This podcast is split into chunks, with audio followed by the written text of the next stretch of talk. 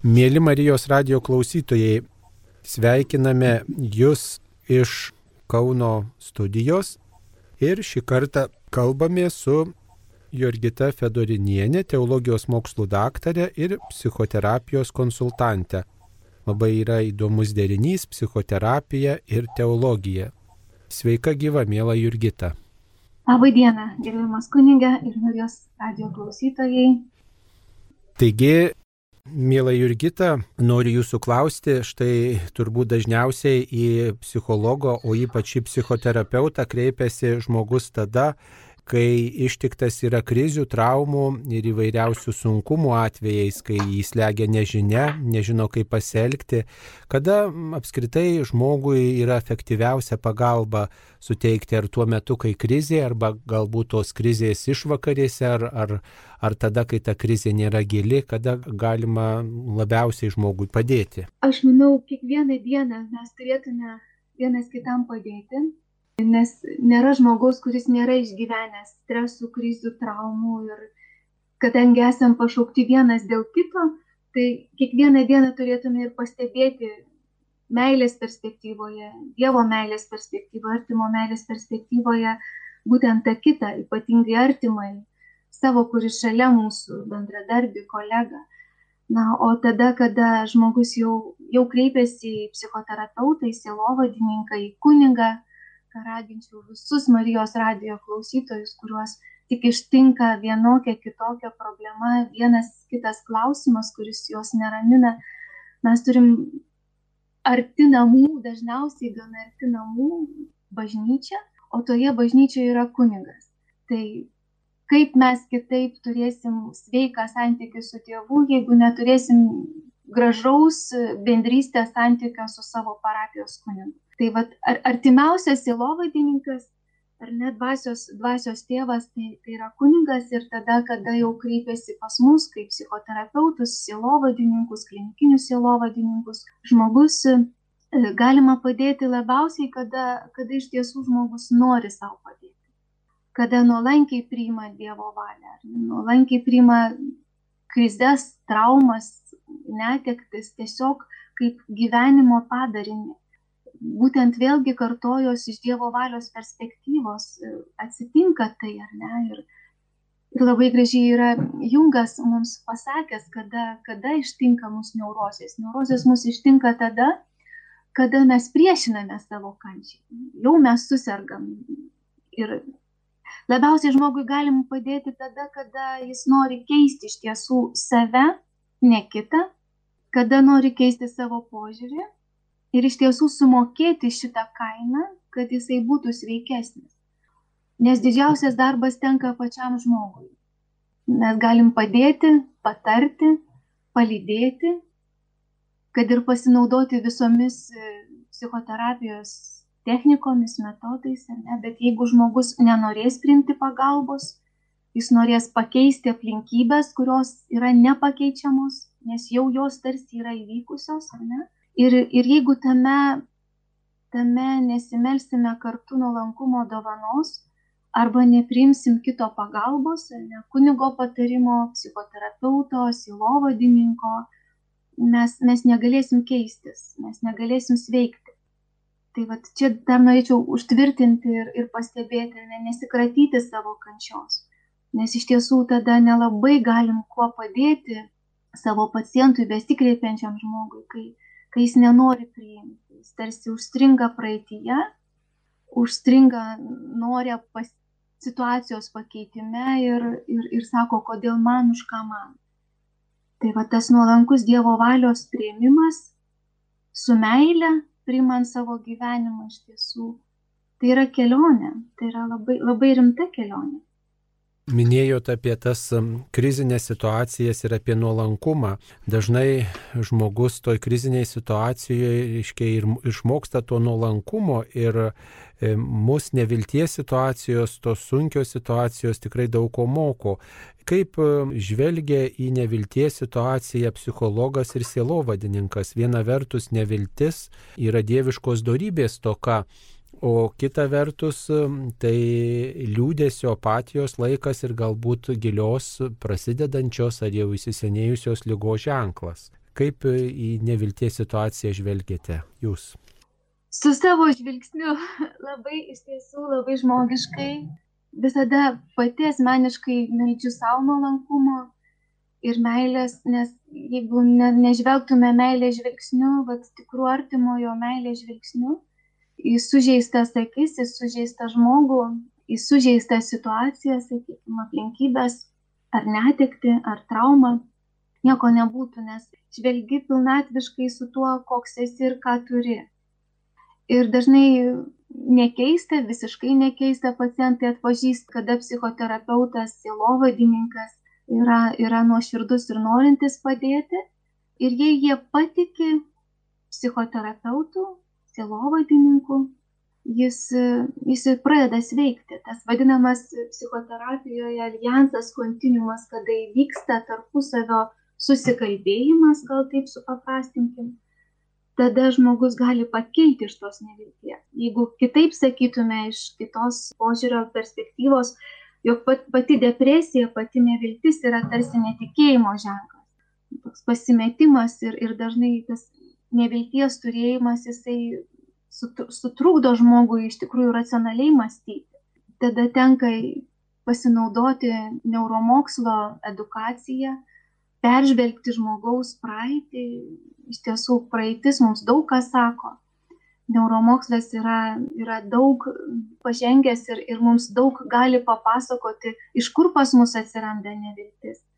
Kodėl, sakykime, po trauminėje krizėje, po trauminėje būsenoje žmogus vat, ir nešiojasi tą neviltį, kas jame veikia, ar ne?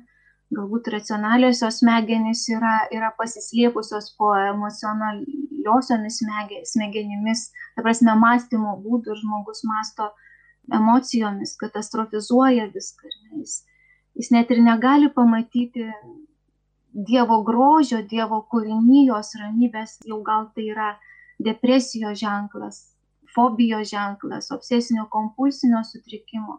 Ir tada keliaujam tą kelionę, išsiaiškinam, kas, kas atsitiko, kaip atsitiko ir ką dabar daryti, ar ne, nes pas Dievą nėra praeities ir pas Dievą dar nėra ateities, yra dabar, čia ir dabar ir ką galim padaryti čia ir dabar. Ir, ne, ir pas Dievą nėra nevilties. Tai tada mes kalbam apie tą viltį, kas yra ta viltis, ar ne? Tai ir viltis yra tikėjimas tuo, ką darau. Tada, kada žmogus serga ar ne, vat, kaip jūs ir minėjot, gilios lygos ženklas, o yra sergančių depresija, yra sunkiomis formomis sergančių depresija ir jiems yra sunku apskritai keltis, keltis rytą ir kažką veikti. Tai tas mano žvilgsnis būna kaip ir psichoterapijos konsultantės, kaip ir, kaip ir sielovadininkės, kaip ir paprastos moters, ar ne? Ir aš tada raginu savo pacientus keltis iš lovos ir kažką veikti, tarkim, nors suplauti indus ar, ar sutvarkyti kambarius vardan Jėzaus, ar vardan savo sutoktinių, ar, ar nupiešti piešinį, jeigu žmogus yra dailininkas, menininkas, vardan, sakykime, savo dukteriečios. Labai gražiai mano viena pacientė, kuri išgyvena labai sunkia depresija, paklausta apie apie savo praeitį, apie savo tragediją, traumą, nes mes dažnai gilinamės į vaikystėje patirtas traumas, apie pačią vaikystę. Tiesiog paklausiau jos vienos terapijos metu, vienos sesijos metu, ką jinai norėtų, kad jai žuvęs tėtis pasakytų dabar, kai yra taip sunku, kai yra atkritis, kai ir vaistai naudojami ir vis tiek neviltis yra labai didelė. Ir labai gražiai patys pacientai šiuo atveju mano pacientė pasakė, ką jinai norėtų išgirsti iš savo tėčio. Jisai, jinai sako, aš labai norėčiau, kad man tėtis pasakytų, jog myli mane, nebijok ir tu gali. Ir labai, žinot, ir kartu sudėtinga, ir, ir, ir labai gilu, ir labai švelnu, ir labai graudu, ir tuo pačiu labai sveikintina, nes jau įvardyjas garsu žmogus, šiuo atveju mano pacientė, jau ji na savo migdolinį kūną, jau sakyčiau taip ar ne, neuromokslų pasinaudoju, migdolinį kūną įpratina galvoti kitaip. Ji jau žiūri ne iš savo kančios perspektyvos, ji žiūri iš savo tėčio kuris yra žuvęs perspektyvos ir Dievo perspektyvos, kaip savo padėti. Iš tiesų įgalina tuo pačiu ir psichoterapeutą padėti, nes parodo savo sveikimo kelią. Ir ta neviltis gali virsti viltimi, kada keliauja du žmonės. Nes silovadininkas yra tas žmogus, kuris keliauja greta, kaip ir psichoterapeutas. Jis neveikia už pacientą, prieš pacientą, greičiau negu pacientas, bet, bet pastebi jo kelionę ir keliauja su juo kartu. Į jos veikimo, kaip sielos veikimo kelionę, kaip psichoterapeutas ir kaip sielovadininkas jo išganimo kelionę. Ir viskas kartu vyksta, niekas, niekas nepadalinta. Ir labai sveika, kada neviltyje aš tiesiog paklausiu tokių labai svarbių klausimų, va, o ko jūs norėtumėte, kuo norit būti, kuo esame mes matom, ar ne, kuo jūs norėtumėt būti. Ir dažnai žmonės vizualizuoja tą psichoterapijos terminų, sakyt, sakytume, vizualizuoja arba, arba darom ekspozicijas, taikom įvairias technikas. Tai vizualizacijoje, kada žmogus pradeda mąstyti, svajoti, paprastinkim ar ne, svajoti apie tai, kuo jis norėtų būti tada kalbam apie tai, kad vis dėlto yra labai stipri viltis. Viltis tai yra, aš jau matau viltį savo kelionėje. Tai jeigu aš esu įgalus svajoti, tai aš galiu tai ir įgyvendinti. Ir bandom tą viltį tiesiog gražinti, gražinti į savo, į savo gyvenimus. Kartu, kartu su pacientu, nes kiekviename mūsų mumise yra įrašytas tas dvasinis gyvenimas vis tiek vilties troškimas, gėrio troškimas, grožio troškimas, ramybės troškimas. Tiesiog žvelgiant į didžiuosius mystikus ir kryžiaus Jonai ir Ignasą Lojolą, kelionė niekada su Dievu nėra labai paprasta. Iš tiesų yra, yra kartais, kartais sudėtinga, ar ne tos ištikimybės patvirtinimu. Ne kiek mes esame ištikimi išbandymuose, kiek mes esame ištikimi savo kančioj Jėzui kad ir Jobo atvejais, ar ne, jis, jis visą laiką mums kalba, kad susitiktų su, su Dievu, jam iš tiesų reikėjo išbandymų, išbandymo to žiaurumo, nesuprantamos lygos, draugų apleidimų. Ir tas ypatingas momentas, susitikimo momentas su Dievu jis ateina, kada, kada žmogus iš tiesų keliauja į santykių. Ne tai, ko aš noriu, ką aš dabar galiu ir, ir kaip čia su manimi yra, bet Dievo valios perspektyvoje žiūrime tai, ko Dievas nori, va šiuo metu, kad viskas ir yra įmanoma, jeigu ne pačiam žmogui, tai kartu su Dievu yra, yra daug dalykų įmanoma. Ir kai šalia keliauja kitas žmogus ir kartu su tavim meldžiasi, tai kalbu apie sielovadininką, tai klinikinį sielovadininką, tą psichoterapeutą, kuris kartu keliauja žmogaus kelionė, jis yra kartu su žmogumi. Ir tada nebaisios pagal pagal kryžiaus Joną tos tamsiosios naktis, nes tu esi ne vienas, realiai ne vienas, esi su Dievu ir esi su kitu, kuris tau padeda. Paprastai sunkumų metu, e, lygų metu žmonėms daug kas patarė, melskis, daugiau melskis, tu mažai meldiesi, už tai čia tave tas vargas, tokia neviltis, liūdėsys spaudžia, tačiau dažnai tokiam vargo prispaustam žmogui tai gali atrodyti kaip beprasmis, neįmanomas darbas. Ką pasakytų tokiais atvejais psichologija ir sielova derinantis specialistas, kaip melstis, jeigu aš nenoriu melstis arba nematau tos maldos prasmės tokių sunkumų, krizių atvejais. Tai būna ir taip, ir tada aš sakau labai paprastą sakinį, aš melsiuos už tave. Ir kartais šis sakinys, aš matau, kaip pacientams yra labai brangus. Kada mes galime melstis už kitą, kada kitas negali melstis, arba mes negalime melstis, bet kitas žmogus melčiasi, toje bendrystėje esame, ar ne, kur du ar trys susirenka mano vardu, aš esu jų tarp skaitom šventajame rašte Jėzus. Jėzus mums iš tiesų pas kartas nuo karto mums tą patvirtina. Ir melstis už žmogų tai yra kaip ir iš tiesų malonė, yra dovana. Ir pats žmogus vien išgirdė šį sakinį iš tiesų, sakau, realiai iš praktikos jisai tarsi nori melstis. Bet, bet kai mes patariam žmogui ypatingai traumos, krizės, netekties, kartais tragiškos netekties arba vat, labai sunkios būklės žmogui vien melstis ir, ir tiesiog paliekam jį su tuo žodžiu melstis ir nepaklausiam, kas tau atsitiko, kodėl tavo akis liūdnos, kodėl tu verki, ar ne mes tarsi paliekam žmogų vieną, bet ir kartu ne vieną su santykyje su Dievu, bet Dievas mums dovanoja būtent artimojo santykius vienas su kitu, kad vienas kitam galėtume ir prabilti apie artimo meilę. Tai va, čia yra labai svarbus aspektas, jog suvokiant, kad mes esam kūno, sielos ir dvasios vienovė, neišskiriant nieko, ar ne, mes esam kūno, sielos ir dvasios vienovė, mums, mums gyvybiškai yra svarbus sveikas santykis su savim, su kitu ir su Dievu. Ir jeigu tos veiko santykio su mumis nėra, ar ne, mes esame, sakykime, labai stiprioj depresijos būkliai, galbūt panikos atakose arba panikoj, fobijoj, bipoliniam sutrikime, iš tiesų galim net būti sunku susikoncentruoti savo mintis. Na, iš tiesų, žiūrėkit, kaip jeigu kada teko matyti labai nerimastingą žmogų, labai nerimastingą arba didelėje baimėje, neįvardinant jokių patologijų, jokių lygų. Jis kartais blaškosi, vaikšto po kambarį arba tiesiog kažką kalba, pasakoja apie savo nerimą ir jam labai sunku melstis apskritai susikaupti, apskritai eiti į santykių su Dievu, nes jisai būtent trokšta būti išgirstas kito žmogaus. Nori, kad jam atlieptų, nori, kad jį suprastų, kad jis būtų reikalingas, kad jį išklausytų galiausiai. Nes jei mes negalim išklausyti kito, mes tarsi nutraukiam su juo tą meilės bendrystę, apie kurią mums nuolat byloja Dievo meilė.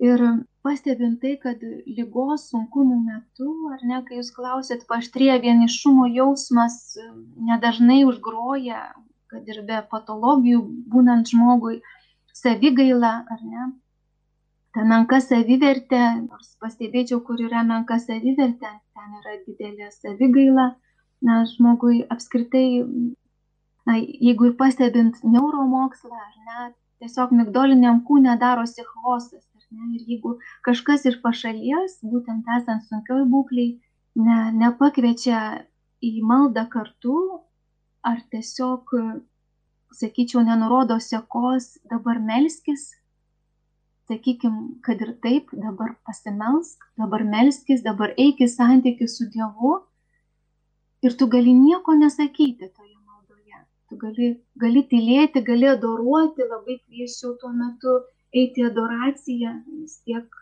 šalia esančioje bažnytėliai galbūt vyksta adoracijos. Ir tiesiog tame santykėje, va, toje pačioje maldoje tyloje, kada labai sunku melstis, kalbėti, kalbėti, kalbėti Jėzui, girdėti jį, tiesiog būti tyloj. Ir tos tylos buvimas, ar ne, kai, kai tu žiūri į Jėzų, jis žiūri į tave, tai ir yra malda, tai yra santykis, tai yra, tai yra buvimas. Buvimas ir iš tiesų nesvarbu, kokiam ateiti į maldą. Ar tam labai stipriai kamuojančiam neviltyje, besikamuojančiam, ar tam, kuris yra nurimęs. Svarbu eiti santykį, svarbu yra veiksmas, ar ne? kad aš ateinu Jėzau, galbūt tada mes turėtume paaiškinti žmogui, kodėl mes sakome eik melskis. Eik ir klausyk, ką Jėzus tau nori pasakyti. Galbūt į maldą pasink šventą įraštą, arba labai būtų sveika, raginu savo pacientus, kuriems tinka tai, kurie, kuriems yra sava, tai Tomas Kempietis, Kristaus sėkimas, ar ne? Pasimki maldą, va, ištikimai išbūk toje kančioje, kad santykis iš tikrųjų tvirtėtų, nes Jėzus mūsų laukia nesvarbu, kokioj mes būklei būtų. Ar, ar mums būtų sunku, ar mums būtų labai gera, ar mums būtų džiugu, nes, nes Dievo meilė yra besąlygiška.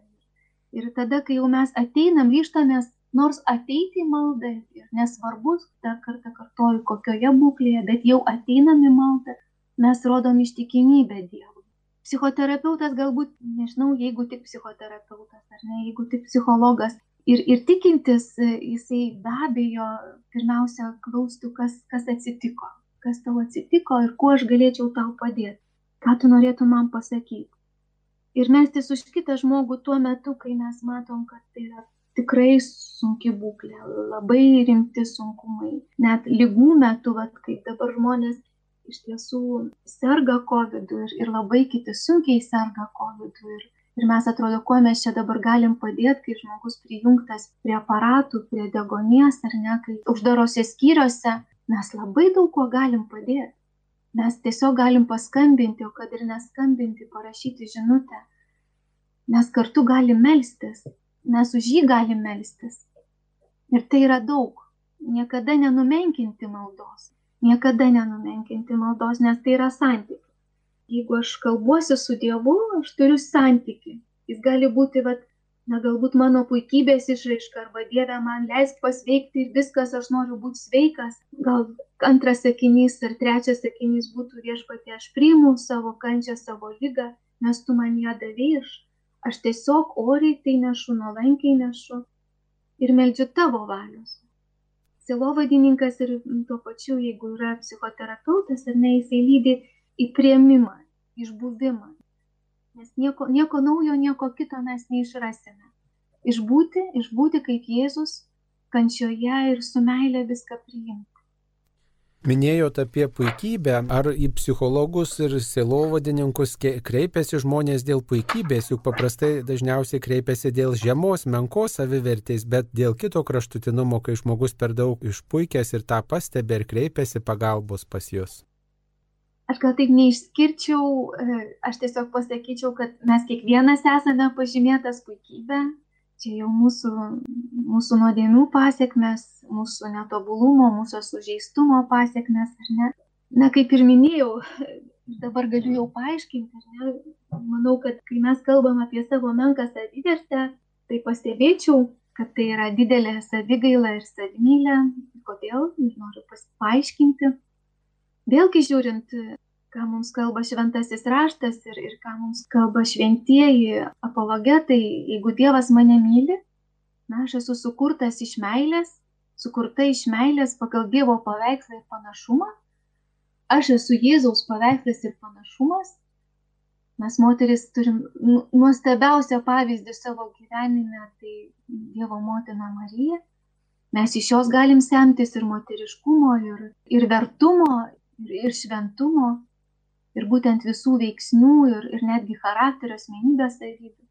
Ir tada, kada aš esu Dievo mylimas ir vertas, esu pašauktas į šitą gyvenimą, ir Dievas mane myli kiekvieną mylę asmeniškai, su didžiausiu gailestingumu.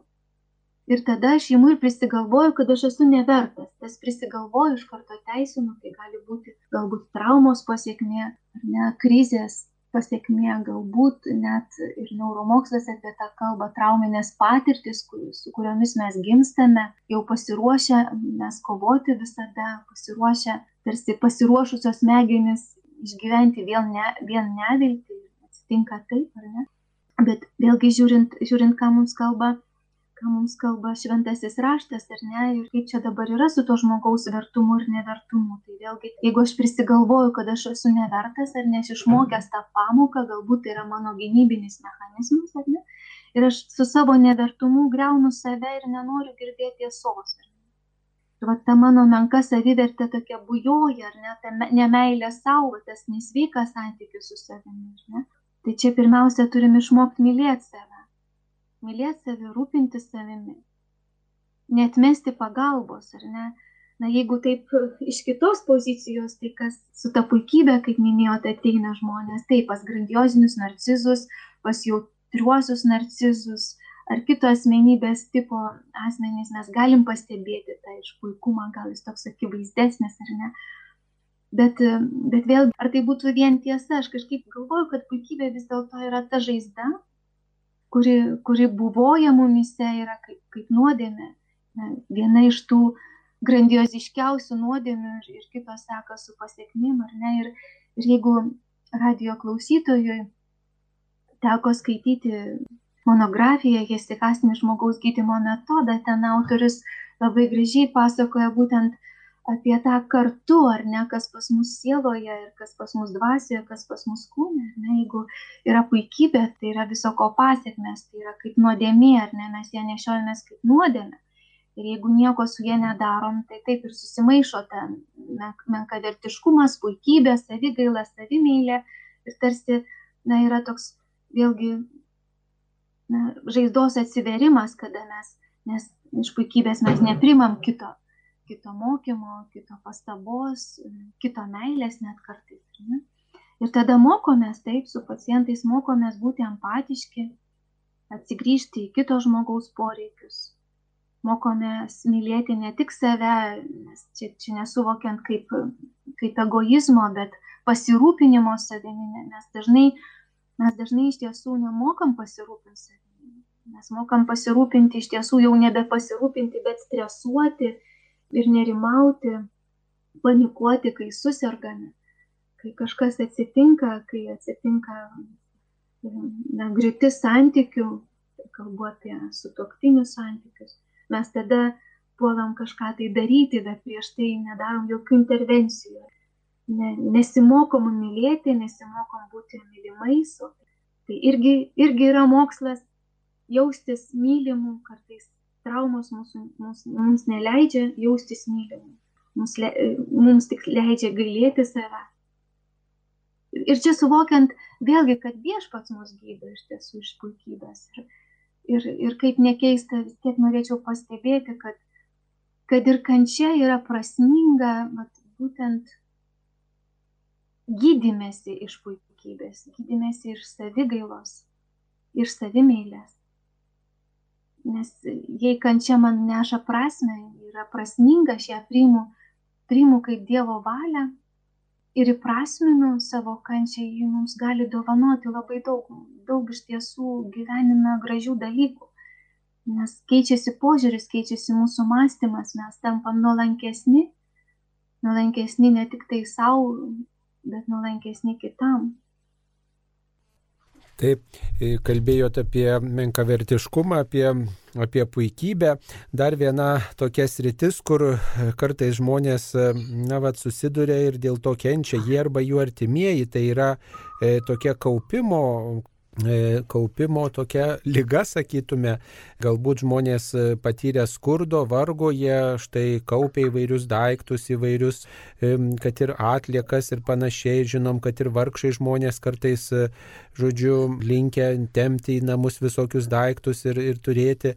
Kita vertus, tas kaupimas, turėjimas kažko galbūt rodo, kad mes nepasitikim Dievu, kad mes nesam saugus dėl rydienos, kaip jūs, štai ar jums teko susidurti su tokiom situacijom, kad žmonės kreipiasi, o jei nesikreipia, tai vis tiek turbūt žinot apie tokias situacijas, kai štai žmogus, na, vat, jaučiasi nesaugiai ir, ir jis kaupia. Jis, jis turi turėti juodai dieną ir dar po juodos dienos, dar kad būtų atsargų ir, ir štai dar prireiks, dar prireiks. Ar tai yra tam tikras e, kažkoks nukrypimas nuo normos, ar, ar, ar tai yra visai natūralus dalykas tam, kuris patyrė kažkokio nesaugumo, kaip manote? Taip, čia būtų ir taip, ir taip, ir taip. Kaupimas, kai jis jau trukdo žmogaus visavertiškam buvimui, trukdo kitiems, kai jis jau kvepia patologiškumu, taip, kai kuriais momentais, galbūt dabar nereiktų taip plačiai apie tai kalbėti, mes pastebime patologiją, sutrikimus, ir gydom nuo jų, ar ne? Psichoterapeutas turi metodikas, technikas, ar ne, jeigu tai yra tikrai psichiatro patvirtinta diagnozė, tas vat, perdėtas kaupimas, taip, tai mes turim tada pasistengti, padėti šitame net ir tokiame, gal kartais ir keistame kitiems požiūrių, kitų, kitų žmonių akimis, tokiame veiksme, bet tai įvyksta vėlgi iš to pačio, kaip jūs ir teisingai kunigė pastebėjot, iš to nesaugumo, galbūt tikrai patirtų traumų, tai vadinamų potrauminių sindromų, galbūt e, neturėjimo vaikystėje saugumo, meilės, vat, to rūpinimosi, ne? Nes iš tiesų mes esam, suvokiant, kad mes esame iš tiesų tos tie žmonės, kurie šventėjame, nesam taip tobuli, kad viską išmanytume, viską gebėtume ir, ir mūsų tėvai augino ir auklė ir mylėjo taip, kaip jie gali ir darė viską, ką jie tada gali. Ir, ir su didelė meilė ir atjauta, galbūt, kad jie kažko tai negalėjo mums duoti, ar iš savo žaizdų negalėjo duoti, vėl su didžiausiu atleidimu mes, mes turim keliauti toliau, ar ne, jokiais būdais nekaltinant savo tėvų, nesmerkiant jų, tiesiog suvokiant ir atleidžiant. Ir kartais taip, dažnai, dažnai kaupimas yra iš nesaugumo, žmonės, žmonės kaupia, nes iš tiesų jie, jeigu cielovadininko akimis, tuo pačiu ir psichoterapeuto akimis, jie yra nesaugus ir jie nepasitikė Dievu, nepasitikė apskritai gyvenimu galbūt, netgi galėtume pastebėti, nepasitikė artimuoju. Jeigu aš kažko neteksiu, jeigu aš pasitikiu Dievu, aš tikiu, kad bus taip, kaip, kaip Dievas norės. Ir net tuo metu, kada aš neteksiu kažko tai, Dievas manim pasirūpins. Nes jis niekada neduoda per daug mano jėgos, per daug mano jėgų, kad aš neištverčiau, jis to niekada neduoda. Labai graži mintis, manau, yra tai vieno kunigo kažkada pasakyta, jog kiek mes pasitikėsime, tiek turėsime.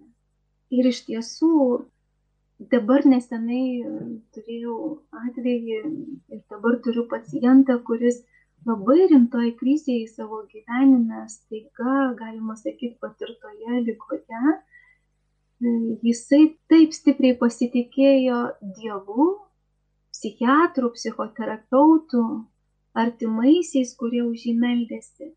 Tas pasitikėjimas iš tiesų mane labai stipriai stebino ir po mėnesio laiko jisai stipriai sveiksta. Stipriai sveiksta, nes pasitikėjimas įrodo mūsų ištikimybę Dievui. Ištikimybė, kiek aš esu ištikimas, kiek, kiek aš neplanuoju, nerežisuoju savo gyvenimo, bet priimu, ar ne, ir esu saugus tiek, kiek turiu, tuo aš džiaugiuosi. Atsisakydamas visiškai savo gyvenimo režisūros, aš priimu savo gyvenimą toks, koks jis yra ir esu jame laimingas, nes prasme ir vertė gyvenime yra neturėjime. Visų tų fizinių, materialinių gerybių, taip jos teikia mums džiaugsmą, kažkokį taip, savotišką saugumą, bet iš tiesų mes ir matom, kad, kad mums, mums lygoje ar, ar netektyje mums praktiškai nieko nereikia. Mums nereikia kai mes ne, netenkam savo tėvų, savo mamytės, savo tėvelio, savo brolio, draugo, sesers, bičiulio, mums nereikia jo turtų iš tiesų.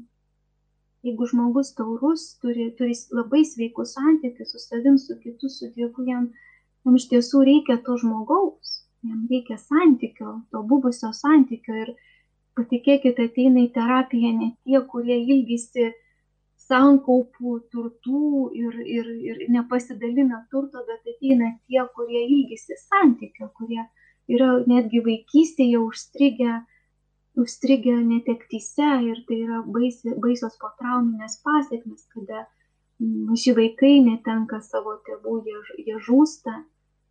Tas potrauminis sindromas juos lydi su kitom patologijom. Žmogus gedi, gedi visą savo gyvenimą, sakykime, 30-40 metų savo žuvusio tėčio. Tai va vėlgi tas kaupimas, sakykime, tos sielvarto nevilties, kurį, kur reikia išmokti kartu su pacientu kitaip žiūrėti į tą netektį praradimą. Ne, vėlgi turėti atstatyti santykių su savim sveiką. Tai, tai vėlgi naudojame įvairias technikas ir, ir dažnai, jeigu žmogus yra tikintis, aš kviečiu, kviečiu melstis 22 psalmę, kuri iš tiesų mums ir, mus ir kviečia į tą visiškai absoliutų pasitikėjimą Dievu. Iš tiesų dažnai kviečiu savo pacientus, jeigu jiems tai tinka ir, ir jie mato kaip įveiką, kaip, kaip, ne tik kaip įveiką, kaip gyvenimo būdą, maldą, tiesiog kaip santykis, sveikas santykis, jiems to reikia vietoj, vietoj meditacijos, vietoj relaksacijos. Vienas pacientas man yra labai gražiai sakęs, sakau, na, o dabar kaip su jūsų, na, gal norėtumėt ką nors kažkaip relaksacijos, kokiu tai pratimų, na, kiti labai nori iš psichoterapeuto. Ir stebėtinai, jisai sako, mano, mano yra meditacija rožinė. Tai jeigu mes kaupsim vis dėlto gerus darbus, ar ne, nukreipsim tą nesveiką santykį su daiktų kaupimu ar neturėjimu, į sveiką santykį su, su savim, su daiktais, ar ne. Vėlgi išsiaiškinsim, kodėl, kodėl žmogus kaupia, kodėl jis nepasitikė, ne, galbūt tai yra jo vėlgi išmoktas mechanizmas, ar ne, ir jį reiktų perdirbti ir mokytis dabar kitaip, ateiti sveiką santyki, pirmiausia su savim, po to su, su kitu, su, su Dievu ir galiausiai su daiktais. Kalbate apie santykį, kuris žmogaus gyvenime yra labai svarbus. Vis dėlto toks yra paradoksas šiais laikais, kai komunikacija tobulėja ir vystosi technologijos ir tas susisiekimas e, gerėja, tarsi miestai ir, ir, ir miesteliai vieni prie kitų prieartėja, o vis dėlto kiek daug, kiek daug yra tokių vienišų žmonių ir tų sužalotų santykių ir tos atskirties, atsiskyrimo, tokio vienišumo. Kodėl tos technologijos ir, ir tie ryšiai tokie, kurie tarsi tų technologijų dėka gali būti tokie tampresni, tie ryšiai nu, tarsi trukinėja, vyresni žmonės jaučiasi atskirti, kad ir šeimose gyvenantys žmonės taip pat e, patiria didžiulį vienišumą. Kodėl toks paradoksas yra? Taip, ir tas paradoksas jis skaudina ir, ir labai skaudina, nes vienišumas yra vėlgi žaizdų žaizda ir pastebėčiau gal tiek, kad mes tiesiog išmokom būti online. Ir naudojamės tomis technologijomis, kaip kokie, žinot, kartais išpuikia, išpuikia vaikai ir, ir taip save vėlgi raminam, nes turim patys savo žaizdų, patys savo traumų, vis dėlto esam, kaip aš sakau, vat, būtent tokie trapus, netobulį ar ne, šventėjam po truputį, po truputį, tarsi jeigu trokštam tobulėti, tobulėjam. Ne bet, bet tas nemokėjimas būti kartu su kito žaizda, su kito lygomis, kito sunkumais, iš tiesų, vat, tai, bet tas nemokėjimas yra, sakyčiau, mūsų žaizda. Nes pati kančiai arba lyga iš tiesų labai stipriai nubūtina žmogų. Ir teko dirbti ligoninėje, silovadininkė, Respublikiniai Kauno ligoninėje, tris metus, dabar kitaip vadinasi Kaune. Žinot, tiesiog mokiausi, dažnai sakydavau savo vyrui, kad mokausi, mokausi numirti. Nes tas nemokėjimas būti kančioje sako apie tai, kad mes iš tiesų nemokam būti ir gyvenime. Ir, ir, ir bėgam, ar ne, bet atsitinka, pastebėkime, atsitinka nelaimė, sakykime, savižudybė kokioje tai šeimoje ar ne, ir bėgam nuo to šeimos, atrodo, nežinom, ką pasakyti, ką čia dabar pasakyti, gal čia nesupras, nežinom, kokiu žodžiu parinkti, kaip paguosti, nes žmogus verkia, žmogus isterikuoja, žmogus jau vartauja, žmogus liūdi. Gal žmogui reikia jau kartais ir psichiatro, psichoterapeuto pagalbos labai, kaip minėjau, kunigo pagalba yra vienareikšmiškai būtina, jeigu tai yra tikinti šeima, kad ir netikinčiai šeimai parapijos kunigas yra didžiulė pagalba. Jis, kaip žinot, didelės šeimos tėvas, kuris, manau, gali žinoti, turi žinoti, kas kokioj troboje atsitinka iš tiesų. Ir, net prisistatyti labai, labai, labai raginčiau, tiesiog iš patirties, vėlgi, vėlgi kalbu, labai raginčiau tiesiog ir ne tik, ne tik kunigus, bet ir visus tikinčius parapiečius, parapiečius kurie yra bendruomeniai ar ne, vat, nepalikti žmonių nelaimiai, nebūti tame online, paskambinti, kaip tau, kaip tau sekasi, gal tau ko trūksta, bet tiesiog ateiti, ar ne, kaip, kaip dabar ateiti, ateiti gal per du metrus ir su kaukė, ar ne, bet, bet paklausti, ko tau reikia, jeigu yra saugu, ar ne. Ir tas nemokėjimas būti, vat, jis vis dėlto mums turėtų kalbėti apie mokėjimą būti. Nes kančioje nereikia daug žodžių, užtenka iš tiesų šalia būti. Šalia mirštančio žmogaus, patikėkit, užtenka atsisėsti ir tiesiog būti. Na, kai kol, kol nebuvo COVID, paimti jį už rankos, ar ne, ir paklausti, ko tu norėtum. Ir netgi tada, kada nėra tos mirties atveju, ar ne, niekas nemiršta, o tik tai žmogui skauda, jis yra vienišas, tiesiog paklausti, ko tu norėtum. Ir, ir dažnai, na, jeigu tai yra, ačiū Dievui, ir vieniši ir seneliai yra aprūpinti, sakykime, galbūt, galbūt jiems reikia kažkokių fizinių patarnavimų ar, ar, ar maisto, tas svarbiausia, kad mes pasirūpintume pirmiausia kito žmogaus kūno poreikiais, tai yra labai svarbu, bet kartais, kai žmogaus paklausi, ko tu norėtum, jis tiesiog norėtų būti išgirstu. Tai va tas vis dėlto išmokimas gyventi kitaip, nepatogiai, bet pasirūpinti kitu ir, ir patikėkit, mums, mums mažiau skaudės. Mums mažiau skaudės, nes vienas iš tokių terapijos būdų, jeigu, kitam, bet jeigu man yra labai blogai, taip labai blogai, kaip aš galvoju, nors to, kitiems taip netrodo, kartais mes, jeigu linkia katastrofizuoti savo mintis arba situaciją, mes katastrofizuojam, nes tai esame išmokę, tai yra mūsų gynybinis mechanizmas bet nueiti ten, kur kitam iš tikrųjų labai skauda. Ne, kol nebuvo COVID, bet ir, ir raginčiau, nueikit į senelių globos namus, patarnaukit vieną dieną arba kitą dieną. Tiesiog nueikit pas savo kaimyną ir paklauskit, kaip jis dabar jaučiasi. Ne ko jam trūksta, jeigu jūs matot, kad jam nieko netrūksta, bet kaip jis jaučiasi. Ir tas buvimas kartu, tai buvimas kartu su Dievu, nes neužmirštant, kad kiekviename mūsų mūsų yra Dievas. Mes esame Jėzaus Kristaus paveikslai ir panašumai.